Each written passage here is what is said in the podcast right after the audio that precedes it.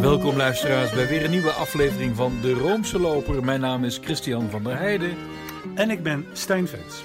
Stijn, zullen wij een uh, Tour de France maken? Ja, we gaan een roadtrip maken. We gaan ook even, even buiten de grenzen natuurlijk, want ik wil toch ook nog even met jou naar Genève. Ja. Maar we gaan eerst naar Parijs, want daar is het groot feest. Ja, want daar is uh, Frankrijk wereldkampioen. En tenminste niet daar, ze zijn in uh, Moskou in Frankrijk uitgesproken als Moscou.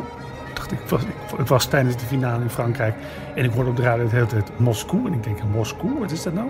Maar Moskou. In Moskou is uh, Frankrijk uh, wereldkampioen geworden door met 4-2 het uh, katholieke Kroatië te verslaan.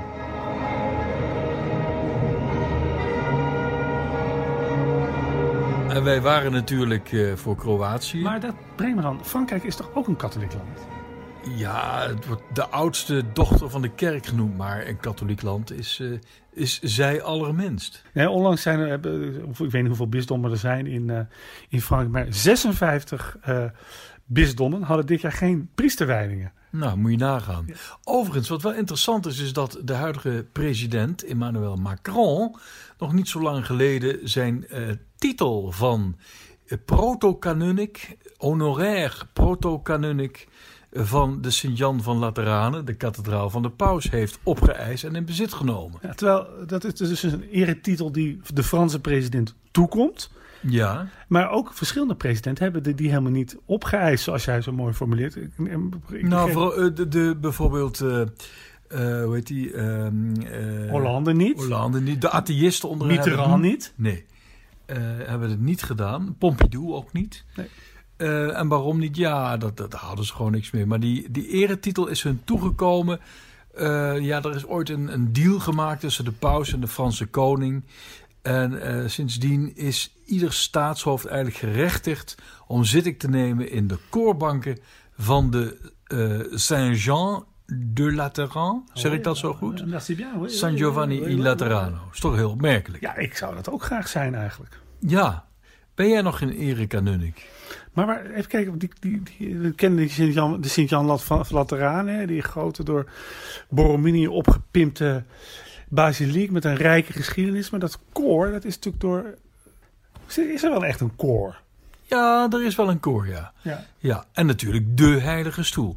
Goed, uh, straks gaan we het nog even over een ander type kanunnik hebben, de Norbertijnen. Maar we blijven even in Frankrijk. Ja, ik was voor Kroatië. Ik, vind, ik vond die, vooral die trainer, die Zlatko Dalic, zeer sympathiek. Waarom, vond je, waarom was hij sympathiek? Ik vond, een ja, beetje, ik vond een beetje een... Uh... Een, een, beetje, alsof, hij zag er een beetje uit als de eigenaar van een kapperszaak. ja, nee, ik vond hem sympathiek hoe dat hij ook reageerde als Kroatië scoorde. Dan bleef hij cool. En zag jij hem ook steeds in zijn, uh, in zijn broekzak grijpen? ja, daar ben ik erg op gespitst. Zeker sinds die Duitse coach dat ook de hele tijd deed. Nee, ja, en volgens mij had hij rooskrans in zijn broekzak zitten. Klopt, een diep gelovige katholieke man. Ja, hoera, hoera, hoera. En um, hij heeft uh, dus een, een, altijd inderdaad uh, gedurende het hele toernooi een rozenkrans in zijn broekzak. Hij greep daarna en hij denkt echt dat Kroatië zover is gekomen. Moet je nagaan, hè. 4,3 miljoen inwoners en dan in de finale komen, is natuurlijk ongelooflijk. Nou ja, en dat land lag, uh, wat was het, uh, uh, 20, 25 jaar geleden nog helemaal in puin, hè? Ja. Um, prachtige steden ook. Hè. Oh, ik moet er toch gauw weer een keer naartoe. Maar hij, hij, hij dankt dus uh, dat, uh, het feit dat Kroatië de finale heeft bereikt aan zijn geloof in God. Maar hoe zit dat dan? Kijk, uh, het is een wedstrijd tussen, laten we zeggen, Kroatië en Frankrijk. Kroatië is echt een katholiek land. Frankrijk, daar kan je over twisten. Ja, hij heeft zijn overwinning aan God te danken. Dat doet vermoeden dat God daar invloed op kan uitoefenen. Ja, natuurlijk moeten we daar uh, met een uh, hele vette knipoog naar kijken. Uh, geloof en bijgeloof, hè, dat is een mooie categorie in, hoe heet dat spelletje weer op de televisie? Uh, met, het, met, met mes op tafel. Oh, met, met kijk ik Vind ik altijd zo'n leuke, leuke quiz. Hebben ja, ze de categorie geloof en bijgeloof. Nou, dit soort dingen horen natuurlijk bij bijgeloof, maar af en toe een beetje bijgelovig zijn. Ja. Is wel gezellig en hoort ook bij de katholieke Ja, traditie. Maar, maar het is 1986, hè, dat weet jij ongetwijfeld als voetballiefhebber. Eh, Argentinië. De hand van God? Ja, de hand van God, ja. Argentina come giudizio generale perché l'Argentina ha un Maradona in più rispetto all'Inghilterra. Ecco ancora Maradona, in splendida condizione di forma, va via ancora Maradona, cerca il, dribbling breve, serve ancora Valdano che si fa anticipare ed è gol, gol di Diego Armando Maradona. Maar het, was, Maradona. maar het was toch echt de hand van Maradona? Ja, precies. daar.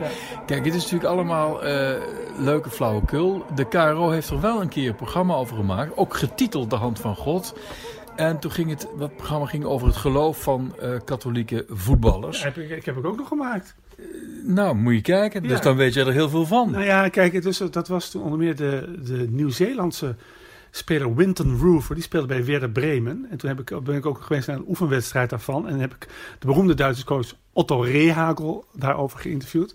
Die zei, nou, als iemand dat, dat daar kracht uit ondervindt, wie ben ik om daar tegen te zijn? Maar dat is iets anders, hè? Krachtputten uit is iets anders dan dat je gelooft in dat God daadwerkelijk ingrijpt op de grasmat. Maar ja, bijvoorbeeld, er zijn heel veel van die heel veel atleten, hè, die gaan dan voordat ze aan de start staan van de 100 of de 200 meter, gaan ze even bidden tot God. Dan winnen ze. Dan denk ik, ja. En die anderen dan, die andere zes of zeven, hebben die dan geen steun van God?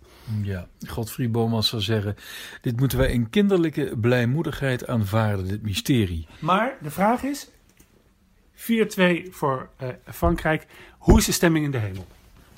Ja, eh, ehm, ik denk toch wel dat ze daar eh, blij zijn, omdat Frankrijk wel, daarom zitten we nu ook in Frankrijk hè, met deze podcast. Eh, dat het, ja, Frankrijk is natuurlijk een, een land met heel veel heiligdommen. Ja. Hoeveel Maria-heiligdommen heeft het niet? Maar als ik er nog even iets over mag zeggen, Oh, het is ja. wel weer een bewijs. Ik heb eh, bij het vorige EK, dat was twee jaar geleden, heb ik een stuk geschreven dat katholieken beter kunnen voetballen dan protestanten. Dat blijkt dus gewoon. Als je al die WK's en EK's afgaat, zijn de katholieke landen eh, ver, eh, veruit vertegenwoordigd, het best vertegenwoordigd als het gaat om wereldkampioen zijn. En dat komt, is interessant, dat eh, veel protestantse landen, die hebben gewoon een, een, een grote arbeidsethos. Die, die, die, die, die zorgen dat het, de economie goed loopt. Hè? Dus de industriële revolutie, bijvoorbeeld het, het best geland, het, best, het snelst gaan in protestante landen. Nou, Oh. maar volgens mij zit ik nu te denken, heb ik dit vorige keer al verteld? dus het moet Het wordt helemaal uit, uitknippen dit. Waarom? Nee joh, laten we er gewoon Oh. gezellig in. Het is een vakantieuitzending. Ah. We zitten in Frankrijk. Eh, We hadden het over heiligdommen, hè? Ja. Lourdes? Lourdes, hè? Dat, is, eh, dat weet jij van. Er is iets gebeurd. Nou, de, de Gave is daar overstroomd een maand geleden ongeveer. Ja. En eh, het heiligdom is toen afgezet omdat het eh, onder water stond. Ja. Dat vind ik wel op zich, qua, ik vind het een beetje de- ironisch. Dus dan ga je naar...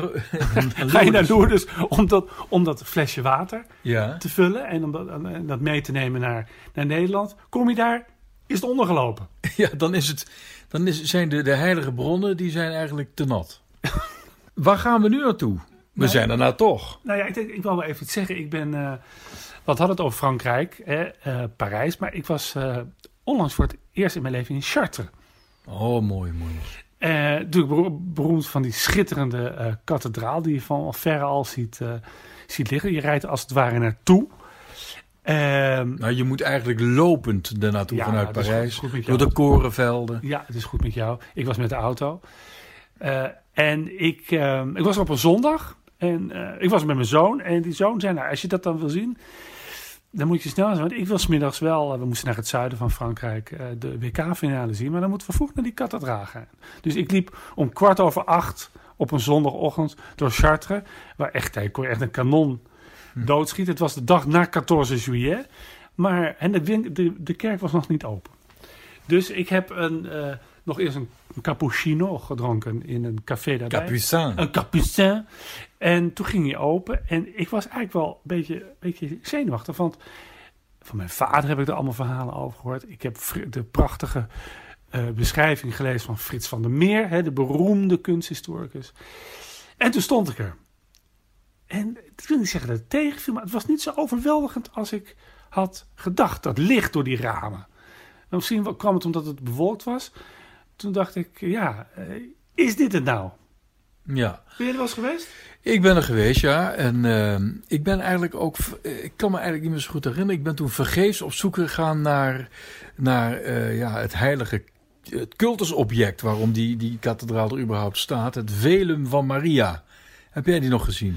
Nee, maar ik heb ook niet goed gezocht. De sluier hè, van Maria. Ja, die, die zijn, en, en- tijdens de kruistochten daar naartoe ge- gehaald. ja, en zij zou die sluier ged- gedra- gedragen hebben, geloof ik, bij de kruising. Nou, u, u hoorde het al, luisteraars. Maar nee, dat vind ik heel We belangrijk. vind ik volstrekt onbelangrijk, maar ik vind het wel mooi dat zoiets dan toch nog, eh, ook al is het nep, nog zo mooi vereerd wordt.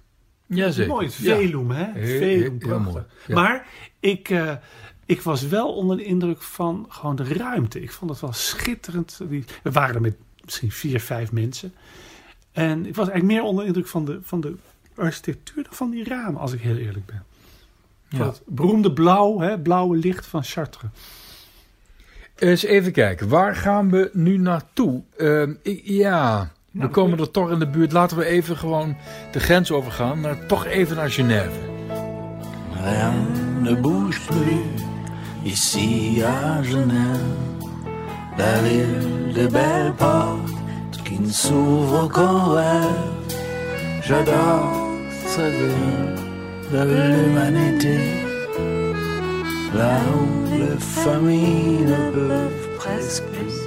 Ja, de, de toch, toch wel meest saaie stad van Europa, mag ik. eh Want jij bent daar geweest. Daar ben ik onlangs geweest. Dus, eh, bij- Je hebt er ook eh, geschreven, over geschreven in, in, in Trouw. Ja, en dat was, de gelegenheid was daar dat de Heilige Vader, Paus Franciscus, eh, speciaal naar Genève is afgereisd om een bezoek te brengen aan de Wereldraad van Kerk.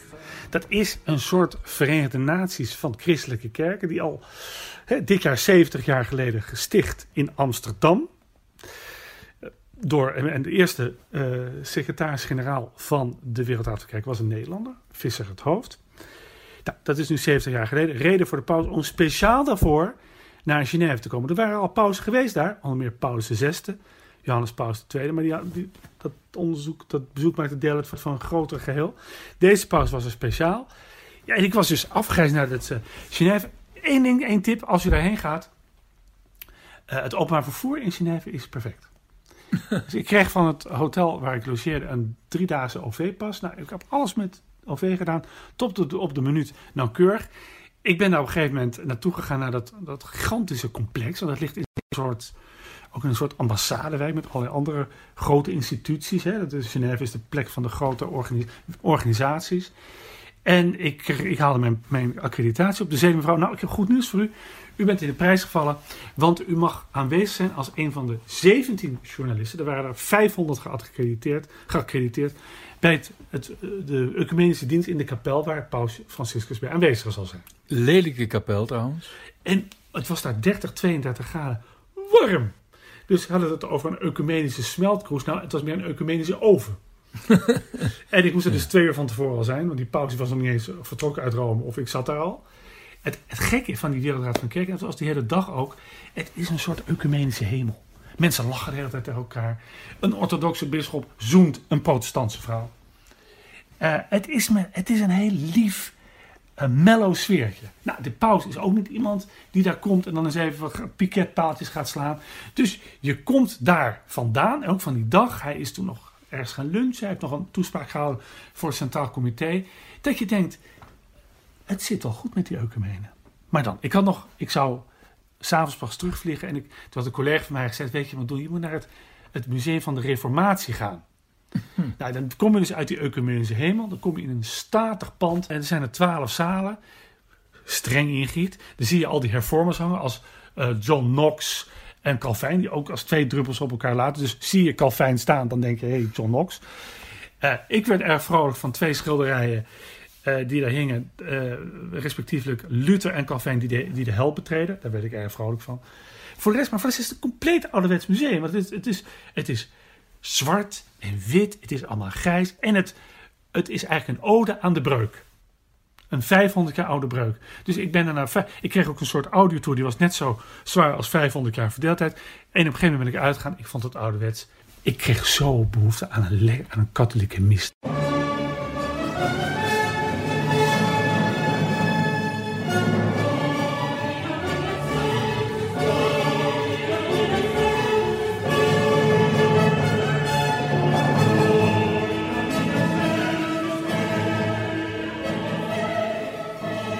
Zo, we gaan nu even naar het Noord-Franse Pré-Montré. We, we reizen wel kriskras door dat land, hè? Ja, maar we hebben ook een hele fijne bolide. Oh, dat is En dan nemen we even een, een, een, een glaasje vin op een terras. Pré-Montré, waar kennen we dat van? Ja, ik zou zeggen van de Norbertijnen. Juist, de orde van de Premonstratenzers, oftewel de Norbertijnen, gesticht in 1126 door Sint Norbertus. En waarom kom ik op dit onderwerp? Voor het eerst in de bijna 900 jaar oude geschiedenis van deze orde, de orde dus van de reguliere kanunniken van Premonstré, eh, wordt het generaal kapittel gehouden in Nederland. Dat meen je niet. Ja, dat is toch geweldig. Ja. En, eh, en het, het mooie daarvan is, omdat eigenlijk eh, deze Norbertus, die kwam ook uit de Nederlanden, uit onze streken. We kunnen natuurlijk nog niet spreken over Nederland, bestond nog niet. Maar die kwam uit Gennep. En daar heeft de gemeente Gennep ook alle eh, deelnemers aan dat generaal kapittel uitgenodigd om daar op de koffie te komen. Nou, dan moet je wel eh, eh, veel potten koffie zetten. Ja, nou, ze zijn met z'n 120 Oh, nou, En eh, mannen en vrouwen, want je hebt Norbertijnen en Norbertinessen. En de, hun generaal kapittel, eh, dat is eigenlijk een, eh, een kapittel dat om de zes jaar wordt gehouden. Waar een nieuw algemeen bestuur wordt gekozen. En een nieuwe abt-generaal. En deze vergadering vindt plaats in Abdij Rolduc. Maar is dat, wat, waarom juist daar en niet... eh, Ja, omdat daar, er zit ook een hotel bij. Hè. Het is geen abdij meer. Het was natuurlijk het, de voormalige abdij waar ook Augustijner koorheren zaten. Heel lang geleden, de 12e eeuw, 13e eeuw. En natuurlijk heeft het groot seminarie van Roermond eh, heeft daar een zetel. Zit daar nog steeds. Maar het is ook een, een enorm conferentieoord. Het biedt ruimte dus voor al deze religieuzen uit eh, heel Europa, de hele wereld ook. Maar ze gaan, ze gaan op een bepaald moment in die weken, want wanneer komen ze bij elkaar? Eind van deze maand, begin augustus. En op zondag 29 juli, dan gaan ze een bezoekje brengen aan een werkelijke abdij, de abdij van Berne in Heeswijk. En Heeswijk kennen we eigenlijk vooral als Heeswijk Dinter. En uit Dinter kwam een keer een, ook een andere generaal van de Norbertijnen, die heb jij gekend. Marcel van der Ven. Marcel van der Ven uit Ja, Dinter. uit was Dinter. een boerenzoon uit Dinter. En was een, eh, hij was een kloeke boerenzoon. ja. Met een zekere handigheid. En die natuurlijk eh abt-generaal was in een tijd waarin de Nederlandse katholieke kerk het moeilijk had. En ook wel eens een beroep op hem werd gedaan om in Rome eens een beetje te masseren. Maar dat bleek toch niet al te gemakkelijk te zijn. Ja, echt een. En we kennen natuurlijk de, de, de Tom Baten. Dus dat is ook een, een, was een abt van Berne. Maar geen generaal. Maar geen generaal. En de, misschien is de bekendste Norbertijn lange tijd in Nederland. Is Werentried van St- Straten geweest. Ja, maar die behoorde tot een Vlaamse ab, eh, abdij Oh, van de ja. Norbertijnen. Van, Maar was wel Norbertijn. van Tongerlo. Jazeker. En dit is de stichter van Kerk in Nood. Oostpriesterhulp, hè? Ja, en de bijnaam de spekpater. Maar hoe kom je ook weer aan? Nou ja, je zegt inderdaad, is een spekpater, omdat hij, hij zamelde ook, ook veel eh, eh, dingen in om, om zeg maar spek op de huid te krijgen voor de, voor de, eh, de, de, de onderdrukte kerken in Oost-Europa. In het Oostblok, toenmalige communistische Oostblok. Trouwens, maar, maar pater, eigenlijk hoor je tegen een Norbertijn geen pater te zeggen. Eh, liever of beter is meneer. Meneer. Ja, want het zijn witheren. Dus het zijn geen monniken, maar het zijn kanunniken. Zij beschouwen zich niet als paters, maar als heren. Witheren. Er zijn ook nog Norbertinessen. De vorige keer hebben we het gehad over Sint Catharinadal en de eerste wijnoogst. Ja, want en, en dat, dat, die was zo uitverkocht, hè? Die was meteen uitverkocht. Ja. Maar eh, op het drankfront is er nu ook weer iets nieuws. En dat heeft ook met Norbertijnen te maken. Namelijk op 29 juli. Dan zal de, de, de pas gekozen abt-generaal een lekker biertje voorgeschoteld krijgen. En dat biertje is het, eigenlijk het eerste bier van een nieuwe biersoort die in Berne zal worden gemaakt. En dat is een quadrupel. Ja, het is, maar het leuke vind ik dat, ik denk altijd, als aan, aan dat bier en die monniken, dan denk ik wel eens, ik was laatst ook in de kloosterwinkel van uh, de, de Benedictijnabdij van Egmond. Als je ziet wat je daar allemaal niet aan lekkernijen kan krijgen. Ik zeg wel eens, die, die, die, echt die hele strenge, zeg maar, die vrijgemaakte protestanten, die gruwelen toch van al dat alcoholgebruik in die kloosters. Nee, dat is niet waar. Nee? Nee, ik ken eigenlijk ontzettend veel dominees die heel vaak op retraite gaan. In kloosters. En dan een lekker biertje nemen. Lekker biertje erbij. Dus eigenlijk is bier ook, is het ook ik zag laatst nog dat er, bier. Ik zag laatst nog dat er een, dat er een remonstrantse dominee in, in, het, in het Benedictijner eh, eh, klooster zat, Sant Anselmo. Het generale, de generale abdij. Wat zijn wij toch eigenlijk aardig katholieken dat we iedereen onderdak verlenen. Ja, dat is toch prachtig. In ieder geval, ehm, ik zou er wel bij willen zijn. Waren het niet dat wij dan nog niet terug zijn in Nederland? Nee, daar zijn nee. Maar, Trouwens, hoe is het eigenlijk in Rome? nou, de Rome, de paus woont in Rome en die man is katholiek. En hij schreef me laatst een briefje en hij noemde het encycliek. Maria, donna dell'ascolto, rendi aperti i nostri orecchi, fa che sappiamo ascoltare la parola del tuo figlio Gesù tra le mille parole di questo mondo. De pauze ging over het uh, algemeen, zal maar zeggen, van de tweede week van juli tot de tweede week van oktober naar hun buitenverblijf in Castel Gandolfo. Echt op vakantie. Dan, dan, dan ging dus de huishouding mee en ook het hele pauselijk huis. Ehm, de paus staakte zijn audiënties in Rome, deed dat dan op het, eh, in, het, in de binnenkoer van het, van het Apostolisch Paleis in Castel Gandolfo. Nou, deze paus heeft vanaf het begin af aan gezegd: Ik ga niet met vakantie. Die blijft in Rome, die blijft gewoon in Casa Santa Marta wonen. Eh, er zijn geen audiënties op woensdag in juli. Hij komt wel ook zondagochtend gewoon voor het raam van zijn studeerkamer. Eh, dus de paus houdt eigenlijk, hij zegt al: Ik ga niet met vakantie. Maar hij houdt wel vakantie. Maar eh, ik denk dat hij dan gaat schrijven of misschien de, de, ja, iets gaat bedenken. eh, waardoor de kerk in een eh, betere vaarwater terecht gaat komen. Want het is allemaal wat, hè? Wat, Nou heb, ja, ik, nou, wat heb ik nou weer gehoord? Heb je het nou weer gehoord? Nou, vertel. Over, over de emeritus eh aartsbisschop van, van Washington. Je bedoelt Uncle, Uncle Theo. Ja, maar dat, Un- Uncle Ted. Uncle Ted. Ja, dat is echt een schandaal. Ja, ik, weet, het het is langzamerhand zo van... ik merk ook bij mensen die niet katholiek zijn... en maar daar met wel wat belangstelling naar kijken... die krijgen langzamerhand ook een beetje genoeg van al die verhalen. Want Nou, dit is dan weer... eerlijk gezegd ook. Dit is dan een verhaal ja, van, een, van een... Onlangs lekte uit, werd bekend dat deze eh, Theodore McCarrick... echt een lange tijd een belangrijk man binnen de Rooms-Katholieke Kerk van de Verenigde Staten... kardinaal notabene... dat hij als jonge priester iemand misbruikt had. Dat was 50 jaar geleden gebeurd. Kreeg- Klacht is aannemelijk genoemd, gesteld. Dus de, de aard, Gegrond grond, verklaard. hij is grondverklaard en hij, heeft, hij mag niet meer in het openbaar zijn priesterlijke taken Ja. uitvoeren. Nou, hoorde, heb ik al jarenlang verhalen gehoord rond, die- rond die eh Theodore McGarrick. Dat hij als bisschop seminaristen meenam naar een soort strandhuis. En daar, eh, laten we zeggen dat hij rommelde met seminaristen. Sterker nog, hij misbruikte ze. Wat want, want die seminaristen staan, stonden in een gezachtsverhouding tot hun bisschop. Dus dan kun je zeggen, er is, er is een machtsverhouding en het is misbruik. Ze gingen dan met een aantal seminaristen naar dat strandhuis. En dan eh, maakte Bekerk de kamerindeling. En al, er moest altijd één seminarist met hem op de kamer. En daar stond maar één bed. Ja. En daar werd geflikfluit en van alles en nog wat.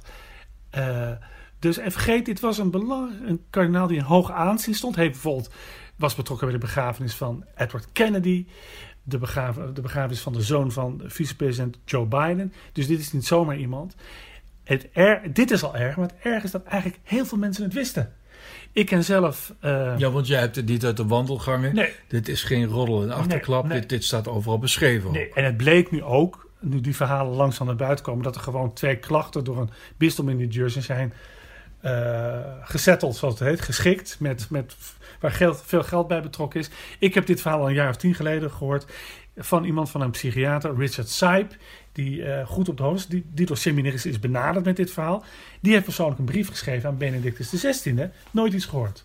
Het Vaticaan is op de hoogte gesteld van dit. En ondanks dat heeft deze man een keurige carrière gehad. En is met ja, ik moet maar zeggen, met veredeld pensioen gestuurd. En dat, dat, het probleem is natuurlijk, eh, dat bleek later, is dat eh, als je aan kinderen zit, dat is een misdrijf die omschreven staat in de kerkwet. Maar als je gewoon seksuele relatie met een, andere man onderhoudt, en dat zijn seminaristen, dat staat niet in het kerkelijk recht omschreven. Dus het is lastig om aan te pakken. Tegelijkertijd zou je kunnen denken dat met dit verhaal MeToo zijn intrede doet op de werkvloer. Heeft het ook raakt volgens mij, want bij MeToo was ook sprake van een machtsverhouding tussen een filmproducent en actrices of acteurs. Uh, het is heel lastig en het, geeft ook nog eens aan dat het zelfreinigend vermogen van de katholieke kerk op dit punt scheur vertoont of niet goed in orde is. Want uh, ja, waarom is deze man niet aangepakt? Terwijl iedereen, heel veel mensen het wisten. De nuntius, het Vaticaan, niks gebeurd. Ja, het is niet zo'n gezellig onderwerp, maar toch moeten we het eh, even bespreken. Eh, zullen we weer terug naar de Eiffeltoren gaan? De Eiffeltoren? we zijn toch in Parijs? Nou, ik stel voor dat we, kijk, dat we langzaam op vakantie gaan. We weten uh, dat we naar verre landen gaan. Maar soms de hygiënische omstandigheden niet zo goed zijn. Heimwee speelt op. Maar dan weten we dat het Rooms-Katholiek geloof met al zijn heiligen beschikbaar is voor hulp in baromstandigheden. Dat vind ik altijd fijn. Er is altijd wel een kerk waar je even heen kan een kaarsje kan opsteken. Nog wel, ja. En er is altijd de heilige Christoffel die met je meereist. Die is eh, van de heilige kalender geschrapt, eh, Stijn. In 1970. Schande. Maar je mag toch wel nog een beroep op hem doen? Een soort medaillon op je dashboard. Over medaillon gesproken. Uh, we kunnen even naar de uh, Rudubak. Ja, ik, ga, ik loop achter jou. Oké. Okay. Rudubak, daar ligt Catharina Labouré. Dat is de zieneres die van de Heilige Maagd te horen kreeg. Laat een mooie, wonderbaarlijke medaille slaan. Hè, medaille slaan. Nou, dat is een, een, een succes gebleken. Luisteraars, wij wensen jullie een hele fijne vakantie.